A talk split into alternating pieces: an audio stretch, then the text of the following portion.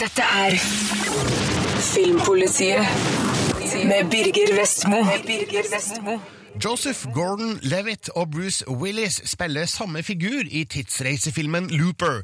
Oliver Stone leker med blodig humor i narkotrilleren Savages. Dette er de to kinopremierene jeg skal anmelde i dag. På spillfronten anmeldes XCOM, Dishonored og Pokémon Black 2. På Blu-ray skal det synses om Snow White and the Huntsman og Indiana Jones The Complete Adventures. Og i tillegg til det her har jeg snakka med regissør Scott Derrickson om hans kommende grøsser Sinister, mens regissør André Øvredal skal fortelle om sitt nye Hollywood-prosjekt Enormous. Time travel has not yet been invented. But 30 years from now, it will have been. Elsker tidsreisefilmer og møtte Looper med stor entusiasme. Den var òg til stede etter filmen, men i en litt mildere form. Dette er en morsom og spennende sci-fi-thriller, men som de fleste andre tidsreisefilmer sliter òg Looper med enorme problemer med logikken bak flere tidslinjebrudd. Jeg ble underholdt godt av en levende historie, fortalt med høy energi av regissør Rian Johnson. Jeg skulle bare ønske at den var litt smartere i manuset. So you're me in 30 years. I fremtida er tidsreiser mulig, men forbudt. Det er òg umulig for fremtidsmafiaen å kvitte seg med lik. Derfor sender de sine fiender 30 år tilbake, der de umiddelbart blir drept av spesielle leiemordere kalt loopers. Betalinga er sølvbarer teipa til ofrene. Joe, spilt av Joseph Gordon-Levitt, jobber med flid, helt til den dagen han plutselig står ansikt til ansikt med sitt eldre jeg, spilt av Bruce Willis. Do you know what's gonna happen? You done all this already? As me? I don't want to talk about time travel. Det er mye mer ved denne historien enn det her, men det skal jeg ikke avsløre. Men det er et grunnleggende problem ved historien. Hvorfor tidstransportere fremtidsofrene til et bestemt geografisk punkt der en looper venter med skytevåpen? Dersom noe slår feil, noe det gjør i denne filmen, kan det jo få katastrofale følger for fremtidsskurkene. Offeret kan jo oppsøke dem som barn og drepe dem. Dette fremstår derfor som en høyst usikker metode. Hvorfor ikke tidstransportere ofrene midt ute i Stillehavet i stedet? Men dersom jeg ser bort ifra logiske plotthull, som det er mange av, er det noen besnærende tanker og ideer bak filmens actionfylte handling. Vi befinner oss definitivt i sci-fi-land, der menneskeheten til og med har fått en ny egenskap som skal vise seg å bli et sentralt poeng. Det mest spennende er hvordan unge Joe og gamle Joe forholder seg til hverandre. Hadde jeg møtt meg sjøl, ville jeg kanskje ha behandla meg sjøl med en viss respekt, men her oppstår det en fiendtlig spenning mellom Joe og Joe. We both know how this has to go down. So why don't you do what old men do and die? Why don't you just take your little gun out between your legs and do it? Boy. Manusforfatter og regissør Rian Johnson har laga en god film som ikke vil stå som en påle i tidsreisesjangeren, men som underholder meg tilfredsstillende her og nå. Den har et interessant utseende, som en skitten og slitt krysning av Minority Report og Blade Runner, gode visuelle effekter og et effektivt lydspor. Den kunne vært bedre på manusfronten, men vi har vel til gode å se en tidsreisefilm med bunnsolid logikk, kanskje fordi tidsreiser i seg sjøl er ulogiske.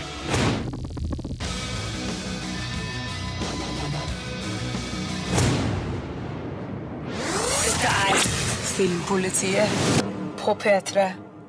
André Øvredal, regissøren av Trolljegeren, skal i gang med et nytt spennende prosjekt i Hollywood, nemlig en filmatisering av tegneserien Enormous.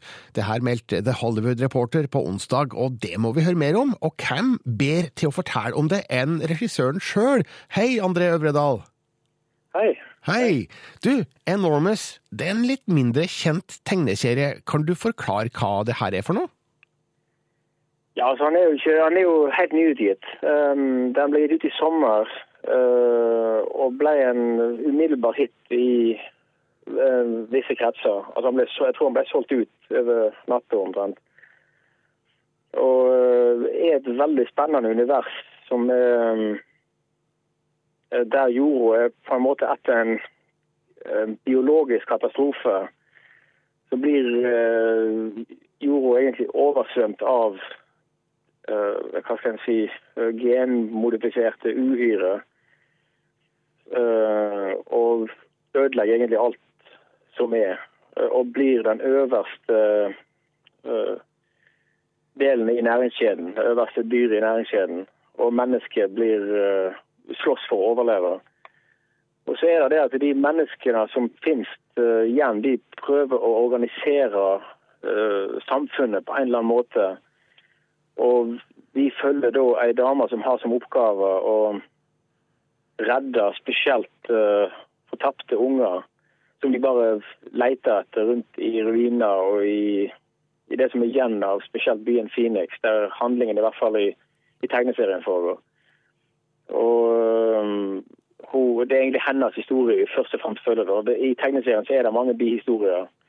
Men for å begynne med den webserien, så er det der vi kommer til å fokusere den. Det er på hennes helt reindyrka historie. Ja, ok. Webserie, sier du. Det her, det her skal ikke bare bli en film? Nei, vi planlegger en ganske sånn multiplattformløsning og bygger en veldig bygger en fanbase for en filmutgivelse gjennom å få den eh, inn i bevisstheten gjennom en webserie. En virkelig high-end, altså en høykvalitets uh, webserie som skal fange oppmerksomheten rundt prosjektet og få folk veldig gira på spillefilmversjonen. Dette er en måte som vi merker begynner å bli mer og mer populært borte i USA. Uh, en måte å få store sånne prosjekt som dette her opp og stå. da. Ja, vi så jo på Prometheus eksempel, at det ble sluppet en del kortfilmer, korte reklamesnutter på forhånd som en slags viral marketing. Er det her neste nivå på det? Ja, jeg vil nesten tro det. Altså, det finnes en del websider som spesialiserer seg på, uh, på denne type ting. Uh, det er et, som heter Machinima, som uh, er veldig inne i denne verden her. Og det er flere andre òg, så vidt jeg vet. Men det er de jeg har sett litt på, hvordan de gjør ting. Eller hvordan ting blir lansert her. Og det er, det er veldig spennende å kunne utvikle egentlig samme verden, samme historien, på forskjellige, plan, forskjellige plan. da. Uh, en som er veldig fokusert på hennes historie, f.eks. For, for webserien, og en som er fokusert mer på verdensbildet for spillefilmversjonen. Så det her skal først bli en nettserie, og deretter spillefilm. Hva slags tidshorisont snakker vi om her? Jeg tror denne webserien kan gå veldig fort. Den, den har såpass lav terskel og så stor interesse for å bli lagd at der, der ser både produsenten for seg, og jeg òg, da, at det her kan Det er jo forhåpentligvis snakk om til neste år. Så tidlig som mulig. Jeg har begynt for så vidt å skrive litt på plottet og på hvordan den webserien skal struktureres og formes, og hva historien egentlig skal være. Og i samarbeid med forfatteren av tegneserien, som er veldig gira. Det som er gøyalt, er at de er stor fan av Trolljegeren. Og det til og med finnes uh, Jeg fikk til og med referanser til Trolljegeren i tegneserien deres. Så, så stor fan er de faktisk. Så det var kjempegøy. da. Så det, det, tror jeg kan gå ganske fort. Det er veldig avhengig av manuset, det er jo alltid det. Hvor fort det blir skyteklart. Men Trolljegeren er altså den direkte årsaken til at du har fått tilbud om å, om å regissere Enormous? Ja, ja, absolutt. Det er det eneste holdt på å si årsaken. Det, det, det, slutter aldri å sjokkere meg uh, hva, hva, jeg får av muligheter pga. Trolljegeren. Hva slags tilbud er det du, du får nå da, for tida? Ja, altså nå, Jeg skal bort en tur eh, om eh, under to uker. Og nå får jeg altså to manus per dag. Tilbud om remakes av klassikere som jeg har selv sett 20 ganger. Og eh, skal møte med store studier om forskjellige prosjekt. Uh, jeg skulle nesten ønske jeg kunne liksom snakke om det, men det blir litt sånn teit. Så jeg så forholder meg unna det. Men uh, det, er, det er virkelig, er virkelig helt fantastisk å konstant få den oppmerksomheten her to år etter at filmen var ferdig, eller ute. Men nå fremover så er det Enormous som er det virkelig store du skal jobbe med? Det er ett av flere ting, ja. Det er det. André Øvredal, da får du ha lykke til med både Enormous og andre ting som kommer din vei. Og takk for at du var med i Filmpolitiet. Takk skal du ha. P3. I 1994 kom spillet UFO Enemy Unknown, turbasert taktikkeri som mange fikk et nært forhold til. I dag kommer XCOM Enemy Unknown, en nyskapelse av det gamle spillet på markedet. Andreas Opsvik har anmeldt det her.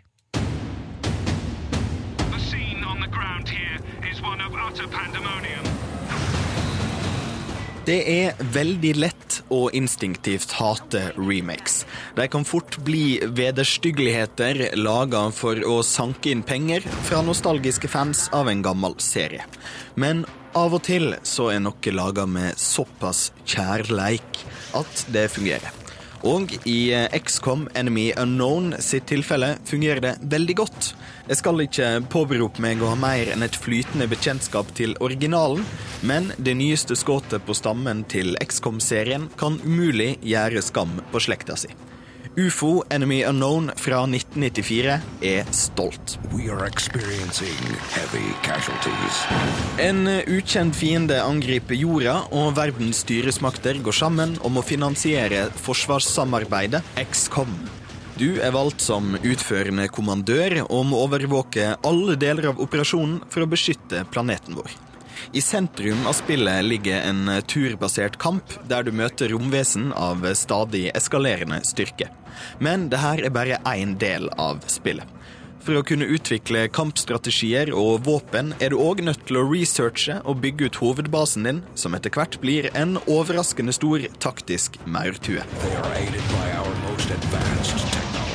I basen administrerer du tiltak for å holde XCOM medlemslanda sitt panikknivå nede, for å få pengestøtta du trenger for å drive angripet rundt, og skaffe nytt utstyr og ferske rekrutter.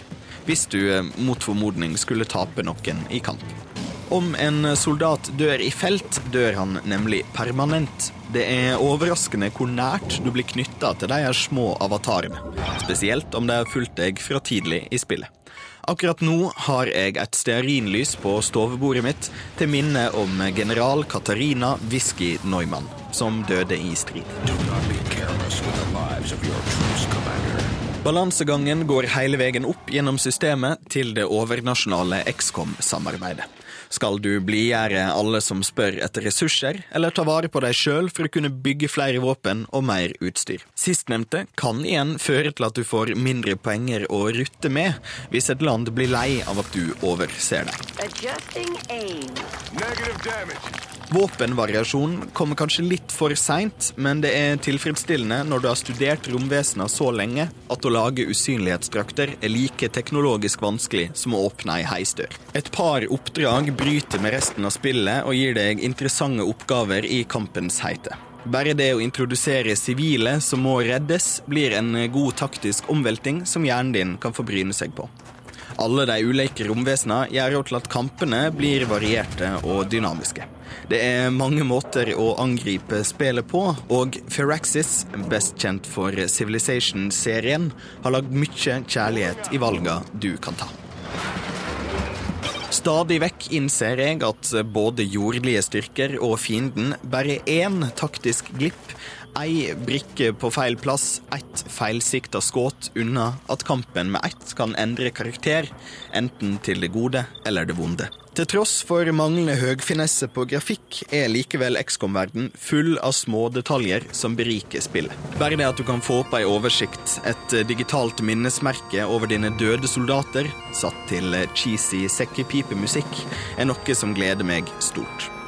XCOM Enemy Unknown kjennes som et annet generasjonsspill. Som en bestefar som har falt i ungdomskilder og kom tilbake med akkurat like mye visdom som han alltid hatt, men kul nok til å kjennes moderne. I stedet for at 90-tallets kanter har blitt runda av for å skape ei grunnere og enklere spilloppleving, er 2000-tallets grensesnitt tilført for å gjøre kamp og navigasjon mer intuitivt. XCOM Enemy Unknown er akkurat like taktisk utfordrende som det var i 1994. Good luck, Commander.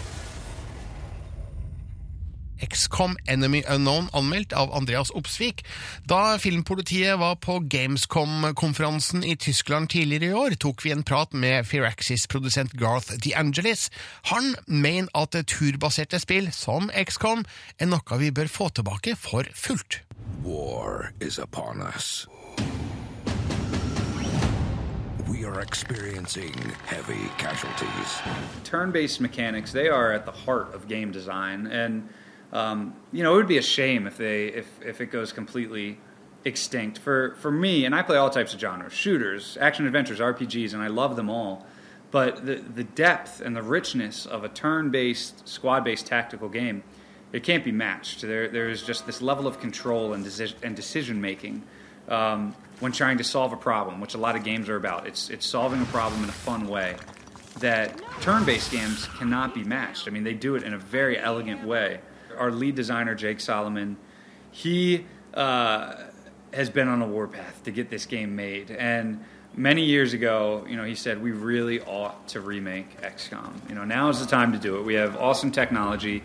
We can recreate a lot of the pillars of the original, destructible environments, 3D fog of war. Um, you know, he was figuring out the design of uh, still having a combat layer that interplays with strategy. We really wanted to maintain the spirit of the original. That, was, that has been a big directive for us throughout the development of the game. Um, but at the same time, we've had to do quite a lot of things because game design has evolved, you know, narrative has evolved, the accessibility of the game, of the original game, is, is, is very steep. The learning curve is very steep. So we had to balance those two, which has been one of our biggest challenges, but um, has been in the forefront of our minds throughout development. Do not be careless with the lives of your troops, Commander. They they are everywhere. I mean, that's the reality. There are a lot of shooter games, and um, you know, a, a few of the top tier shooter games have sold extremely well. And when that happens, you're going to have a lot of developers and publishers say, "Hey, let's jump in on the fun." You know, a lot of people are liking this game. A lot of people are buying it. Let's give it a go. But at a certain point, you're going to reach a saturation point where it, it's just it's the genre is um, going to have a lot of carbon copies, and that's why I'm so excited to be a part of Firaxis and 2K believing in something where we can say, hey, we feel like we can tap into these certain elements of the shooter genre, but at the same time, we're offering this in a brand new way. XCOM is a non-linear game, and it's about player choice. So you have these key moments that are beautiful cinematics that the art team made, but the way that the player gets there is this web of choices, and it's different every single time. And you alluded to the soldiers dying. I mean, the most powerful part for me of the original is that internal narrative of the story is different each time because of the way that I've crafted my soldiers. Whether again, whether they're family and friends, whether they are coworkers that you want to see die, whether they are you know athletes or action movie heroes, whatever you want that to be. The the, the story that happens in your head, it's amazing that how that internal narrative plays out and the emotional connection that you have to essentially these these digital action figures. Um, you don't want them to die. And when they do die, you remember the exact moment it happened and where it happened, on what map, how the alien killed your mom, and how you want to get revenge on that alien for doing so. So it, it's pretty incredible. And we didn't want to take away that internal narrative that you had from the original game. So we, that's all still there. We have a, we have a high level external narrative, but it's not overbearing. We're not hitting the player over the head with it. We still want them to be able to craft their own story. Good luck, Commander. Du hørte Garth DeAngelis, produsenten bak det nye spillet XCOM Enemy Unknown, som slippes i dag og anmeldes på p3.no filmpolitiet. Filmpolitiet. På P3. Widescreen på radio. Og stikkordet her er Indiana Jones The Complete Adventures. Jones! Jeg er så glad over å ha Indiana Jones-filmene samla på Blu-ray at jeg knapt er i stand til å være kritisk anmelder. Det her er nemlig noen av de morsomste filmene jeg vet om, og de har glimra med sitt fravær i HD-format til nå. De fire filmene presenteres på Blu-ray med fantastisk billed- og lydkvalitet, og med et fint ekstramateriale på disk 5. En pris på rundt 500 spenn vil kanskje virke avskrekkende, men jeg mener denne samlinga absolutt er verdt det. Det her er tross alt tidenes filmhelt, Indiana Jones. Sharing your adventures Denne serien er Steven Spielberg og George Lucas sin hyllest til matinéfilmene fra 1940-tallet, med barske helter i halsbrekkende situasjoner gjennom ville eventyr. Arkeologen Indiana Jones, spilt av Harrison Ford, leter etter verdifulle gjenstander over hele verden på 1930-, 40- og 50-tallet. I Raiders of the Lost Ark fra 1981 er han i kappløp med nazister for å finne en religiøs gjenstand med guddommelige krefter i Egypt. I The Temple of Doom fra 1984 må han finne en mystisk stein og redde barn fra en skummel sekt i India. Den hellige gralen må finnes i The Last Crusade fra 1989, igjen i kamp mot nazistene, mens russerne er fienden i The Kingdom of the Crystal Skull fra 2008. You call this archaeology? Den første filmen er fremdeles min store favoritt, der samspillet mellom Harrison Ford og Karen Allen slår gnista, mens Paul Freeman og Ronald Lacey er ubetalelige som herlig sleipe naziskurker. Spielberg forteller historien med perfeksjonert eleganse, samtidig som handlinga stadig er på farten.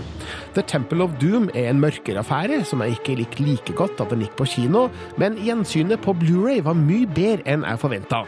Det blir kanskje i dystreste laget mot slutten, men musikalnummeret i starten er seriens beste innledning, samtidig som Spielberg sper på med oppfinnsom action underveis, spesielt den fartsfylte sekvensen med gruvetog. The Last Crusade er nesten like glimrende som Raiders, med det fantastiske samspillet mellom Harrison Ford og Sean Connery som det store høydepunktet. The Kingdom of the Crystal Skull har jeg ikke turt å se på nytt. Jeg har en stygg fornemmelse av at jeg kanskje ikke vil like den like godt nå som jeg gjorde ved verdenspremieren i Cannes i 2008. I'd cover my ears if I were you.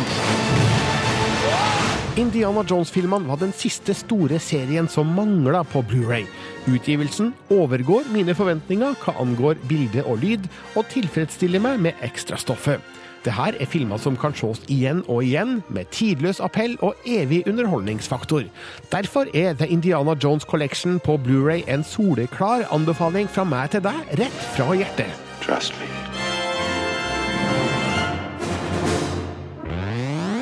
Dette er Filmpolitiet med Birger Vestmo. Birger Vestmo. Action-snikespillet Dishonored er mørkt, brutalt og ubehagelig, og filmpolitiets Marte Hedenstad, hun elsker det. My dear Corvo, what a sad hand fate has dealt you. The beloved Empress dead, and everyone thinks you're the killer. But we know what really happened, don't we? Er du en brutal morder? Sparer du livet til ofrene dine? Eller sniker du deg kanskje bare usett forbi? Valget er ditt, for spillet Dishonored lar deg forme din egen spilleopplevelse etter din egen spillestil. Dette actionsnikespillet kan friste med timevis av nervepirrende underholdning. I den fiktive industribyen Dunwall har en dødelig pest spredd seg i befolkningen. Med førstepersonsperspektiv inntar du rollen som Corvo Atano, som har blitt uskyldig fengsla for drapet på keiserinnen av Dunwall og bortførelsen av tronearvingen. Etter å ha blitt reddet ut av fangenskap blir du tildelt overnaturlige krefter av en mystisk skikkelse kalt The Outsider. Nå må du redde det herjede landet fra pest, undertrykkelse og nød. Killing me won't solve anything.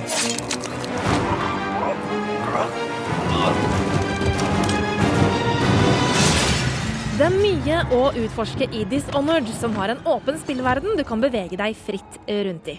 Spillet legger opp til at det skal gå an å gjennomføre oppdragene uten å drepe noen fiender, og det er derfor ikke alltid døden er løsningen når noen står i veien. Jo flere lik du etterlater på din vei, jo flere rotter dukker opp i byen, og flere blir dermed smitta av den grusomme pesten. Enten du vil snike deg stille forbi eller knerte alle du møter, du tilnærmer deg de ulike oppdragene slik du selv ønsker, og derfor er din spilleopplevelse av Dishonored ikke bare variert, men også unik.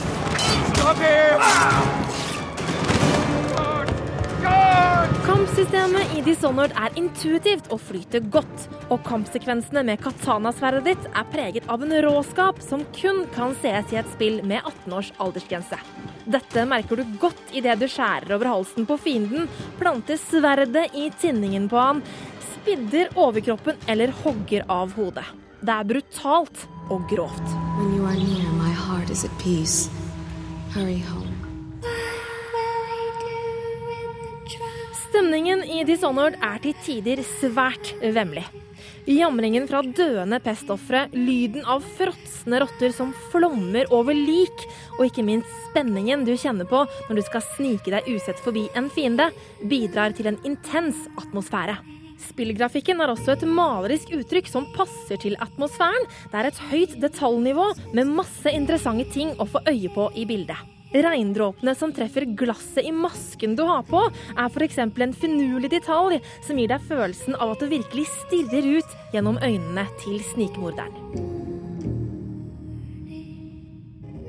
Alle de gode elementene i spillet gjorde at jeg ble oppslukt av spillopplevelsen og kunne bruke timevis på å gå på oppdagelsesferd i Dunwall. Dishonored er et av årets beste spill. Dette er en spennende, variert og unik spillopplevelse du absolutt ikke bør gå glipp av. Dette er Filmpolitiet på P3. Oliver Stone er en regissør jeg har stor respekt for, mest på grunn av hans eh, tidlige filmer som Platoon, JFK, Født 4. juli og Natural Born Killers. I dag er det norgespremiere på hans nyeste, den heter Savages. Kan den matche hans gamle storfilmer? Just because I'm telling you this story doesn't mean I'm alive at the end of it. It's that kind of a story where things just got so out of control. Oliver Stone har aldri vært en kjedelig regissør. Sjøl ikke når han lager filmer som underholder mer enn de provoserer. Savages forsøker å være en slags moderne true romance, og er en voldelig narkotriller med sort humor og seksuelle undertoner. Den er ujevn, har noen litt for vage hovedfigurer og inneholder en lureslutt som jeg syns er unødvendig. Men den er i hvert fall ikke kjedelig. Ben, spilt av Aaron Johnson, og John, spilt av Taylor Kitsch, driver en lukrativ hasjbusiness i California. De deler òg den samme kvinnen, Ophelia, spilt av Blake Lively. Trekløverets liv settes i fare når et meksikansk narkokartell krever innpass i forretningsvirksomheten. Kan pene unge amerikanere stå imot tunge kriminelle drapsmenn uten moralske skrupler? Oliver Stone greier ikke helt å selge inn Ben, John og O som tett sammensveisa trekløver. Johnson, Kitsch og Lively spiller greit, men det oppstår ikke den nerven mellom dem som gjør at jeg helt tror på deres funksjoner i historien. Faktisk er noen av bifigurene mer interessante, som Salma Hayek som kartellsjef, John Travolta som korrupt politimann, og ikke minst Benicio del Toro som den utrolig skumle og uforutsigbare kartellmorderen Lado. Det Oliver Stone lykkes med, er å fortelle en til tider svært brutal historie uten at den blir for mørk. Det ligger et tynt lag med sort humor over de verste voldssekvensene, som gjør dem litt mindre vanskelig å se på. Det her kan oppfattes som Stones kommentar til de fryktelige drapsmeldingene som tikker inn omtrent daglig fra den pågående narkokrigen i Mexico, sjøl om han ikke dykker særlig dypt ned i materien her. Seven of my men dead? I told you they'd come for me. Filmen er velgjort på alle måter og har et rått uttrykk med bruk av forskjellige filmtyper, slik Stone òg gjorde i større grad i langt bedre Natural Born Killers. Det virker også denne gangen. Savages er kanskje ingen dyp film, men den har i det minste en rufsete overflate. Det her er ikke Stone på sitt farligste, men heller ikke på sitt kjedeligste. Hang in there, baby. We're coming for you.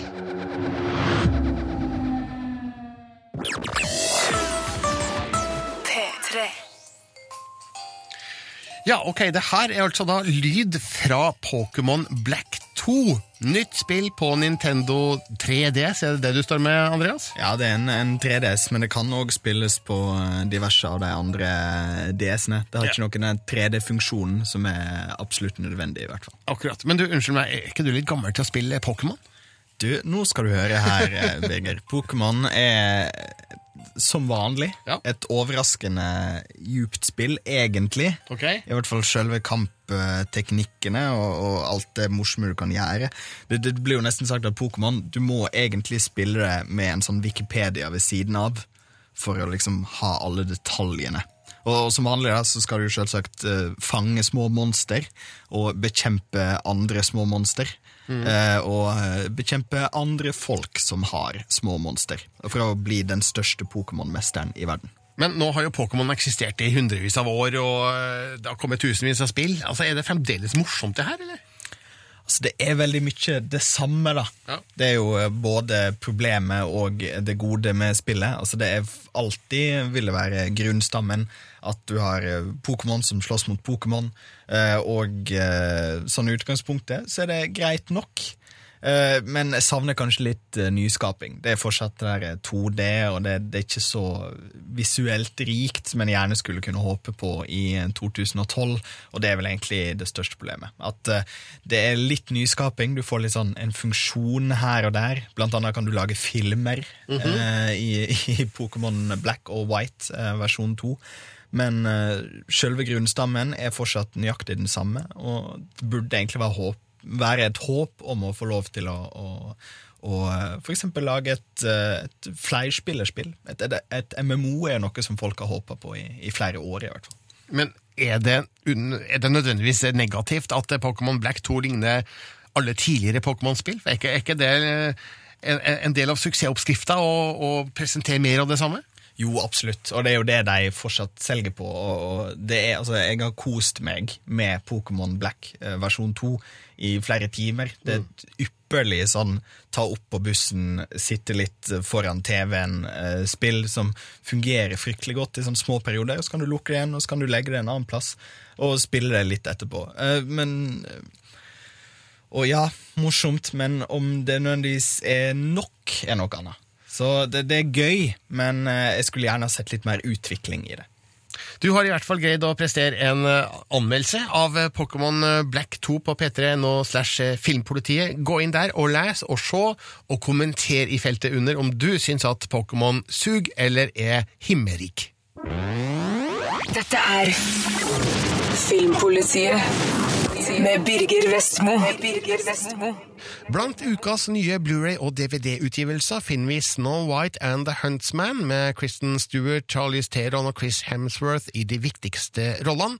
Her er Marte Hedenstads dom over filmen fra kinopremieren. Mirror, mirror on the wall, who is fairest of them all? Snow White and the Huntsman er et ekte eventyr fullt av magi og trolldom. Filmen har alt et ordentlig eventyr trenger. Troll, monstre, dverger, feer, en ond heks og ei skikkelig krigerprinsesse. Det begynner som i eventyret. En dronning ønsker seg en datter som har hud hvit som sne, lepper røde som blod og hår svart som Ibenholt. Ikke lenge etter føder hun en prinsesse som kongen og dronningen kaller Snøhvit. Resten av historien kjenner du. Dronningen dør, og kongen får en ny kone. Men den nye dronningen er ikke den hun gir seg ut for å være. Hun dreper kongen, kaster Snøhvit i fangenskap og kongeriket i mørke. And you shall rule forever. Det viser seg også at å spise Snøhvits hjerte er veien til evig ungdom. Når prinsessen rømmer fra slottet, sender derfor dronningen en jeger, spilt av Chris Hemsworth, for å hente henne tilbake, slik at hun kan rive ut hjertet på henne. Men eh, skjønn som hun er, overbeviser Snøhvit jegeren om å hjelpe henne med å styrte dronningen isteden. Kristen Stewarts store fanskare kan si hva de vil, men det er ingen tvil om at Charlize Theron er filmens store stjerne. Hun ser fantastisk ut og spiller overbevisende. Filmen gir oss et innblikk i de traumatiske opplevelsene som har gjort dronningen til den hun er, og dette gir Theron et større følelsesregister å spille på. Find me someone who doesn't fear the dark forest to hunt her down. Snow White and the Huntsman er som godteri for den som elsker visuelle effekter. Og det er tydelig at regissør Rupert Sanders selv er en real godterimoms. Han pøser på med datagenererte bilder som skal forbløffe publikum. Jeg liker den visuelle stilen godt, men det er lett å se at Sanders ikke har erfaring med å lage langfilm. Han dveler ofte litt for lenge ved f.eks. nærbilder av ansikter og andre elementer han ønsker å sette fokus på, og dette gjør at takten i filmen blir treig og får en del scener til å føles for lange og litt kjedelige. This wretched world the queen. Dette er likevel ingen dårlig regidebut for Rupert Sanders, og jeg vil følge spent med på hva regissøren kommer med i fremtiden. Han har tross alt klart å lage en god eventyrfilm av en historie vi har hørt tusen ganger før. Snow White and the Huntsman er alt i alt et underholdende eventyr. Dette er Filmpolitiet på P3. Snow White and the Huntsman ble anmeldt av Marte Hedenstad, og filmen er nå ut på Blu-ray og DVD. I dag er det altså verdenspremiere på grøsseren Sinister i USA. Norgespremieren er på halloween 31. oktober. Ethan Hawke spiller forfatteren, som flytter inn i et hus med familien sin og finner en samling Super 8-filmer på loftet med forferdelig innhold. Tidligere denne uka var regissør Scott Derrickson på norgesbesøk, og da spurte jeg han om hvordan han planlegger å skremme sitt publikum. Scott Derrickson, welcome to the show. Thank you. Good to be here. Uh, your new movie is called Sinister, and uh, I must say it really is. Uh, this is seriously creepy stuff. How do you plan scariness? Oh gosh, you know, you, uh, different horror directors plan scariness and and uh, you know plan ways to be effective for an audience in different in in different ways. I always start from the position of what scares me. You know, I think if I'm not scared by something, I don't, I, I don't see how the audience can be scared by it. So I start with uh, a concept that I find disturbing, you know, or frightening. And, uh, and then with each sequence in building the film, I just try to create uh, situations that I find uh, disturbing and frightening. But how do you plan this while writing the script? Because so much of the movie is, you know, visually and um, based on, scary audio. How do you write this? You know, it's it's a good question. Um, in the script phase, it, it's really all about story structure and character, and and I don't think about um, the more cinematic qualities of sound design and color and lighting and you know those kinds of things. I, uh, the focus at that point is in, in, the script phase is all about uh, creating a story, you know, a narrative story that's that's compelling. And, when you're doing a horror film that has a certain rhythm, there's a rhythm to good horror films of of sort of rising up into the scary sequences and then coming back down and giving the audience some relief and then rising back up. Um, but in most horror films, when you come back down, you know, you typically come back down to kind of, you know, uninteresting characters or teenagers who are just talking about nothing. And uh, and in, and in the, this case, uh, and I think with um, my other horror film, The Exorcism of Emily Rose, I really wanted to come down into something interesting. In Emily Rose, it was a courtroom movie. And in this one, it's a it's a procedural, a, a police procedural, and a family drama. Um, you know, Ethan Hawke's character and his wife. So the, the the goal in the script phase is to make the story compelling and to make the characters feel like real characters. And if you've got that down, um, then then you once you start actually preparing to film, then you go about the business of thinking, now how do I create atmosphere? How am I going to make it look? How am I going to make the scenes actually feel scary? Now, the script that you wrote with uh, C. Robert Cargill, um, it has a plot outline that is very, I can say, familiar. You have a family moving to a new house where scary things happen. It's been done a hundred times before. Where was your original twist to this uh, story? Yeah, yeah, and you know we're certainly very conscious of that. That it, that that the the opening of it is as familiar as it gets. Um, but that was the idea was we wanted to set something up that feels like every other you know horror film or every other haunted house film you've ever seen and then and then very quickly go into some territory that you haven't seen at all and in this case you know it's the it's the setup of every found footage movie that's a term you guys use here right yeah and and you know these the found footage films that have been made um, are, all have a similar setup, you know, which is you move into a scary place and you know, and, and terrible things ensue.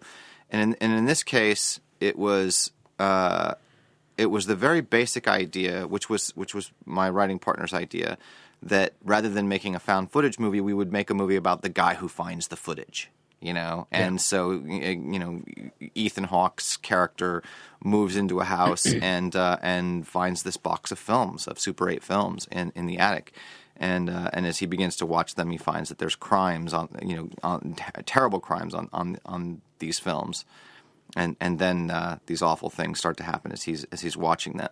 So the the process of watching somebody else watching horror films essentially is is was I think the fresh hook um, that it had. And and also you know with these kinds of films with these kinds of kind of small um, you know contained paranormal thrillers you don't get procedural police like procedural processes in them which we have in this. This is really uh, much of the movie is about uh, Ethan Hawke's character Ellison Oswald, who's a true crime writer, trying to solve the mystery of these films. You know, he's trying to he's an investigator. He's trying to figure out what's behind all of this, and and that's that's the other thing that I think is fresh about the movie and fresh to the genre. And uh, Ethan Hawke's character is a writer. He's brought his family to a new place. Uh, and as I said, scary stuff happens. He may go slightly mad. Uh, is there also some the, sh the Shining stuff going on here? Yeah, the, you know, there was a handful of films that were a big influence on it. The Shining is the obvious, you know, uh, you know, uh, un unashamed, uh, you know, movie that that we were trying to uh, pay homage to. You know, there's an axe that shows up at the end that should tell you all you need to all you need to know. But yeah, the writer who's going running running down this gauntlet and and and seemingly going mad. But but there were also. Um, the other big influence, um, if you know the film, is Brian De Palma's Blowout. Yeah. Um, I gave that like, the two films I gave Ethan to watch before we started shooting were The Shining and Blowout. And and with Blowout, I told him, you know, a lot of this movie involves him sitting at a desk, you know, uh, with f- film editing equipment, editing these Super 8 films, and looking at looking at uh, images on his computer, and that could become very tedious and un- un- uninteresting. And in Blowout, you know, so much of that movie is John Travolta at his desk with you know with uh, his sound equipment trying to put together this mystery, and it's so compelling and it's so uh, fascinating and, and and even menacing and scary in places. And so I think those two films, you know, both from from the same era roughly, were were big influences. And then visually, the movie I gave to my director of photography was Klute, the um, the Alan Pakula movie that stars Donald Sutherland, because that movie, and Gordon Willis, the great cinematographer, shot very black photography, really dark. Yeah. And so the movie, you know, I gave it to my DP and I said, "Watch this, and and and you'll it'll change your mind about just how dark a movie can actually be." and uh, and that was that was the the inspiration behind the look of the movie. That's actually one of my questions because uh, while watching the movie, I noticed that you keep us in the dark most of the time, literally. Uh, seems like this house doesn't have light switches. you know, it, it's interesting. A few people have said that, but it's not true. If you wa- look at the frame, the lights are on. You know, they're just low. They're just they're just they don't illuminate a lot. Yeah. You know, and and he, he also just moved into it. The whole mo- movie takes place over just a few days, and having moved quite a few times in my life, it takes you a while to get all the light bulbs put into their proper places. You know, so uh, there's one sequence where it's completely dark and he's using his phone, but there's a power outage. Um, but the rest of the movie, you know, there's there's actually enough light for him to see if he can see uh, and we can see. But but uh, but more than anything, it's a stylistic choice, which was you know to expose underexpose everything um, and keep the visual look of the whole movie dark. And part of that was was a strategy to not let the movie feel too small. You know, it's a very it's a, it, the movie didn't cost a lot of money and. Uh, and it's all shot in a real location, a single house. And one of the strategies that I took as a director was, you know, um, if we shoot this movie the way a lot of modern films are shot with with longer lenses and compressing space, it's going to feel very cramped. And even if we shoot it with wide lenses, it's still going to feel cramped. But if you shoot it with wide lenses and you really darken everything so that you don't see all the corners of the of the rooms, um, the result is that the frame feels big because that space feels kind of infinite. It doesn't feel cramped or contained. And uh, and it was both an artistic choice, you know, wanting to have uh, uh, that particular kind of look, um, but also it was a way of making the film feel a lot bigger than it actually is. And I must, I must say, it, it succeeds. It's uh, outstanding cinematography by by Chris Knorr.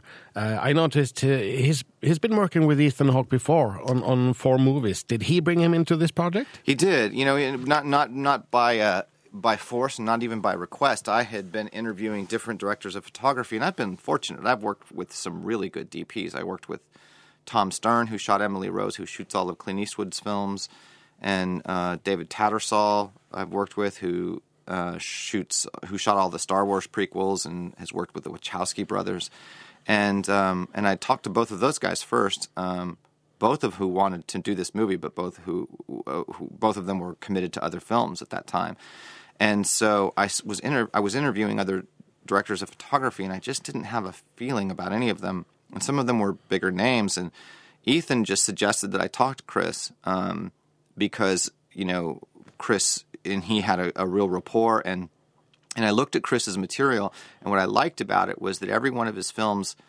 looked entirely different. I mean there was there was no style that he was bringing to the film ahead of time. It was clear that he was trying to give the director a distinctive look for each film. And when I talked to him, I realized that that was the kind of director of photography that he was. So you know, I decided to hire him, and, and, and more than anyone else I've worked with, he really got inside my head and what I was looking for. And when I gave him Klute, and he went away and looked at it, he came back to me with a book of Caravaggio paintings Mm. and said uh, and said I want to do things like this as well, which which is you know a little bit of a richer uh, kind of darkness. And if you look at the um, if you look at the the first dinner table scene in the movie, it looks like a Caravaggio painting. I mean, it really is kind. It's an over a single overhead light source, which a lot of those paintings have uh, in them, and you know. Um, he just got really excited about the prospect of trying to shoot this, and then you know we shot the the whole film on um, on the new Alexa camera, which is is, is a very progressive HD camera. Um, I'm not a big fan of, of high definition video, and certainly would would probably never shoot anything on the red. But this new camera is a totally different animal, um, and the the contrast between the HD photography and the Super 8 photography, I think, made for something pretty interesting. Would you prefer shooting on 35? Uh, well, no, we, we could have shot shot on 35. You know, Chris really wanted to, and Chris had never shot a film on, on HD before. He had shot, shot commercials on on the Red camera, which is an HD camera, um, but he had never shot a feature on on on uh, on HD, and I had never shot a feature on HD. So w- we weren't wanting to do that. And Jason Blum, our producer, said, "Just do me a favor and test this new camera." And he said, "Because I hear amazing things about it." And we said, "Okay." So we we took a t- couple days and went and shot some test footage of from from the new Alexa camera, and I was just amazed by this camera. I was amazed at the look that it gave. I was amazed at at um, the way it was ha- able to handle the blackness and the resolution is very filmic.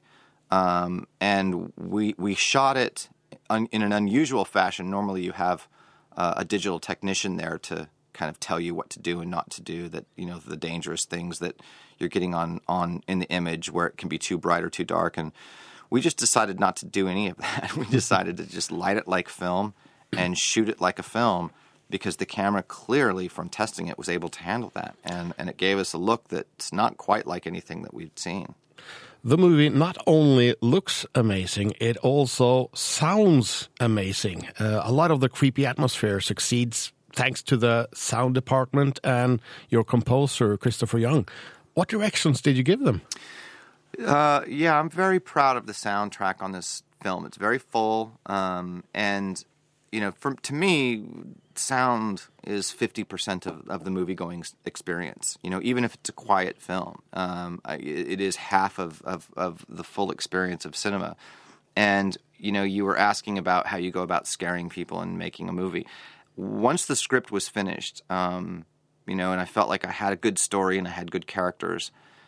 The first thing I did was cast Ethan, and then the second thing that I did was look for music tracks for the Super 8 films because I felt that if I could find the right recorded tracks, um, re- pre-recorded music for those Super 8 films, that I would have a great starting point for establishing the mood of the movie. And I spent several weeks looking uh, on the internet for the scariest, most interesting atmospheric music I could find, and a lot of that music is is Norwegian. Uh, Really? You know, so I, I, I and, and, these bands, you know, that that that we got uh, aghast. Uh, who the artist I think I'm going to meet tonight for the first time in person. Um, Olver, I think, is a Norwegian band. I'm not sure if, if if they are, but I think they are. And and you know these these there was nine tracks that we purchased, none of them expensive, and all of them really atmospheric and and uh, and and scary. So I bought those songs first, and when I sh- and then the very first thing that we shot were the Super 8 films. And I shot when I shot the Super 8 films on set, I played that music on set through loudspeakers, so that everybody on set could hear the mood of those scenes and the weirdness of that music. And I really think that had a big effect, especially on Chris Knorr, who's also the camera operator as well as the director of photography, because he he was just able to operate the camera, uh, you know, right in in line with the mood of those songs. And uh, and then once we had the film cut together, I had all of those tracks in there, and um, of course, when you're editing, you put in you know temporary score, and Yeah. I did that, but I didn't like any of the temporary score that I found. I mean, there was no score to go along with those songs that worked at all. So when I played it for Chris Young, our composer, I took all of that, all of the temp music out, and I played it with him with nothing but the pre-recorded tracks that I had bought. And I said to him, I said, I don't know what to tell you about, you know, scoring this other than I don't want it to be orchestral, which is what he usually does. I said I don't want it to be big. I want it to be small and electronic and grungy and scary. And he said, "Let me see what I can do." And he disappeared for about a month, and I didn't hear from him. and then I, he started sending me these little sound bits, you know, hundreds of them, and just said, "Tell me which of these feel scary to you." And he would send me, you know, a hundred, and I would say, "Here's the five that I think are really frightening." And then he would do it again and do it again, and then and then uh, one day he said, "Okay, come in. I have some pieces for you." And when I came in and listened to what he was doing, I thought it was so original and and exactly what I was looking for, but could never articulate. And and he had somehow managed to create something original and scary, but also something that weaved in and out of those pre-recorded tracks beautifully. There's also a reference to Norwegian black metal music in the movie. There is, yes. Yeah. Well, you know, Norwegian black metal music played an interesting role in in in the entire history of of this movie. You know, um, there's a song. There's a song that uh, plays twice. The only track that plays twice in the movie is uh, is by a band called Boards of Canada, um, which plays you know during the scene when they're fleeing the house, and it plays also in the end credits. And that song I heard for the first time uh, watching a documentary on black metal music called "Where the Light Takes You." and uh, and when I was doing the research for, um, you know, for the music uh, and trying to find different songs, I was looking for listening to a lot of black metal. Olver, who who does two of the tracks, was a black metal band that moved into more electronic music, and, and that's some of the stuff that that plays in the, in the movie. But also looking, I think more than the actual soundtrack, I think that um, looking at black metal art uh, had an influence on this, you know, and the Bagul character that's in this is clearly, uh, you know, uh, looks a lot like the corpse paint that you see on the on album covers from black metal records, and and uh, and there was something about that whole uh, aesthetic that that bled into this movie. And then, uh, and then we make, you know, we we met Vincent D'Onofrio, who plays the the occult professor, makes reference to Norwegian black metal music at one point, which is fun. So thank you, Norway. Yes, thank you, Norway. Uh, and thank you for not making this movie PG 13. You know, we, that wasn't necessarily a plan, you know, because it's funny, and you know, in the states, there's certain there's very certain things that that that, that will get you an R rating. You, you you know, you there's certain swear words you can't say, and you know, any kind of uh, explicit sex and gore. And um, you know these things that are the earmarks of R-rated movies, and we don't have any of that. We don't have any sex. We don't have any real gore. There's no real swearing in the movie. Um, and and so when we gave it to the MPAA, uh, you know, they gave us an R and and, and, they ha- and there's a little box underneath the rating where where they have where they write what the R is for, and Yeah. when they gave it back to us, it said rated R for disturbing images and terror. and uh, and we said, and you know, and, and and Jason Blum, our producer, said, well, if you get an R for that, you've done your job. Yeah. Well, do you disagree? Oh no, I don't think any kid should be seeing this movie.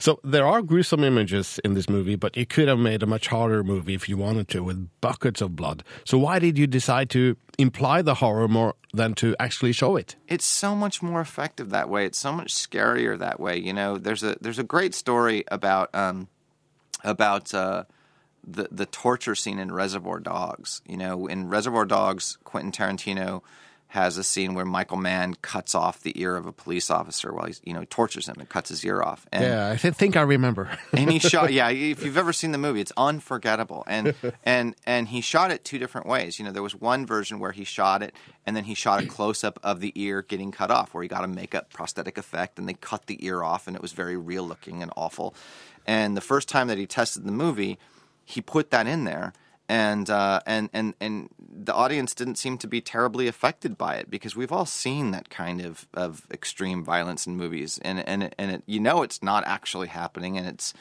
and it's kind of disgusting and you, a lot of times you turn away. A lot of times you're just like "Oh, I don't want to really look at that so you glance down or whatever.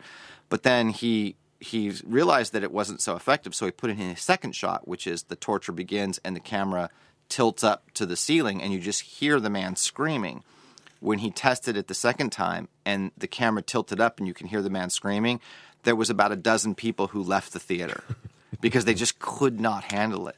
And and and what happens is that if you don't show it, if you if you imply it strongly and it's laced visually within the narrative well, then the audience is forced to imagine something that they can't look away from.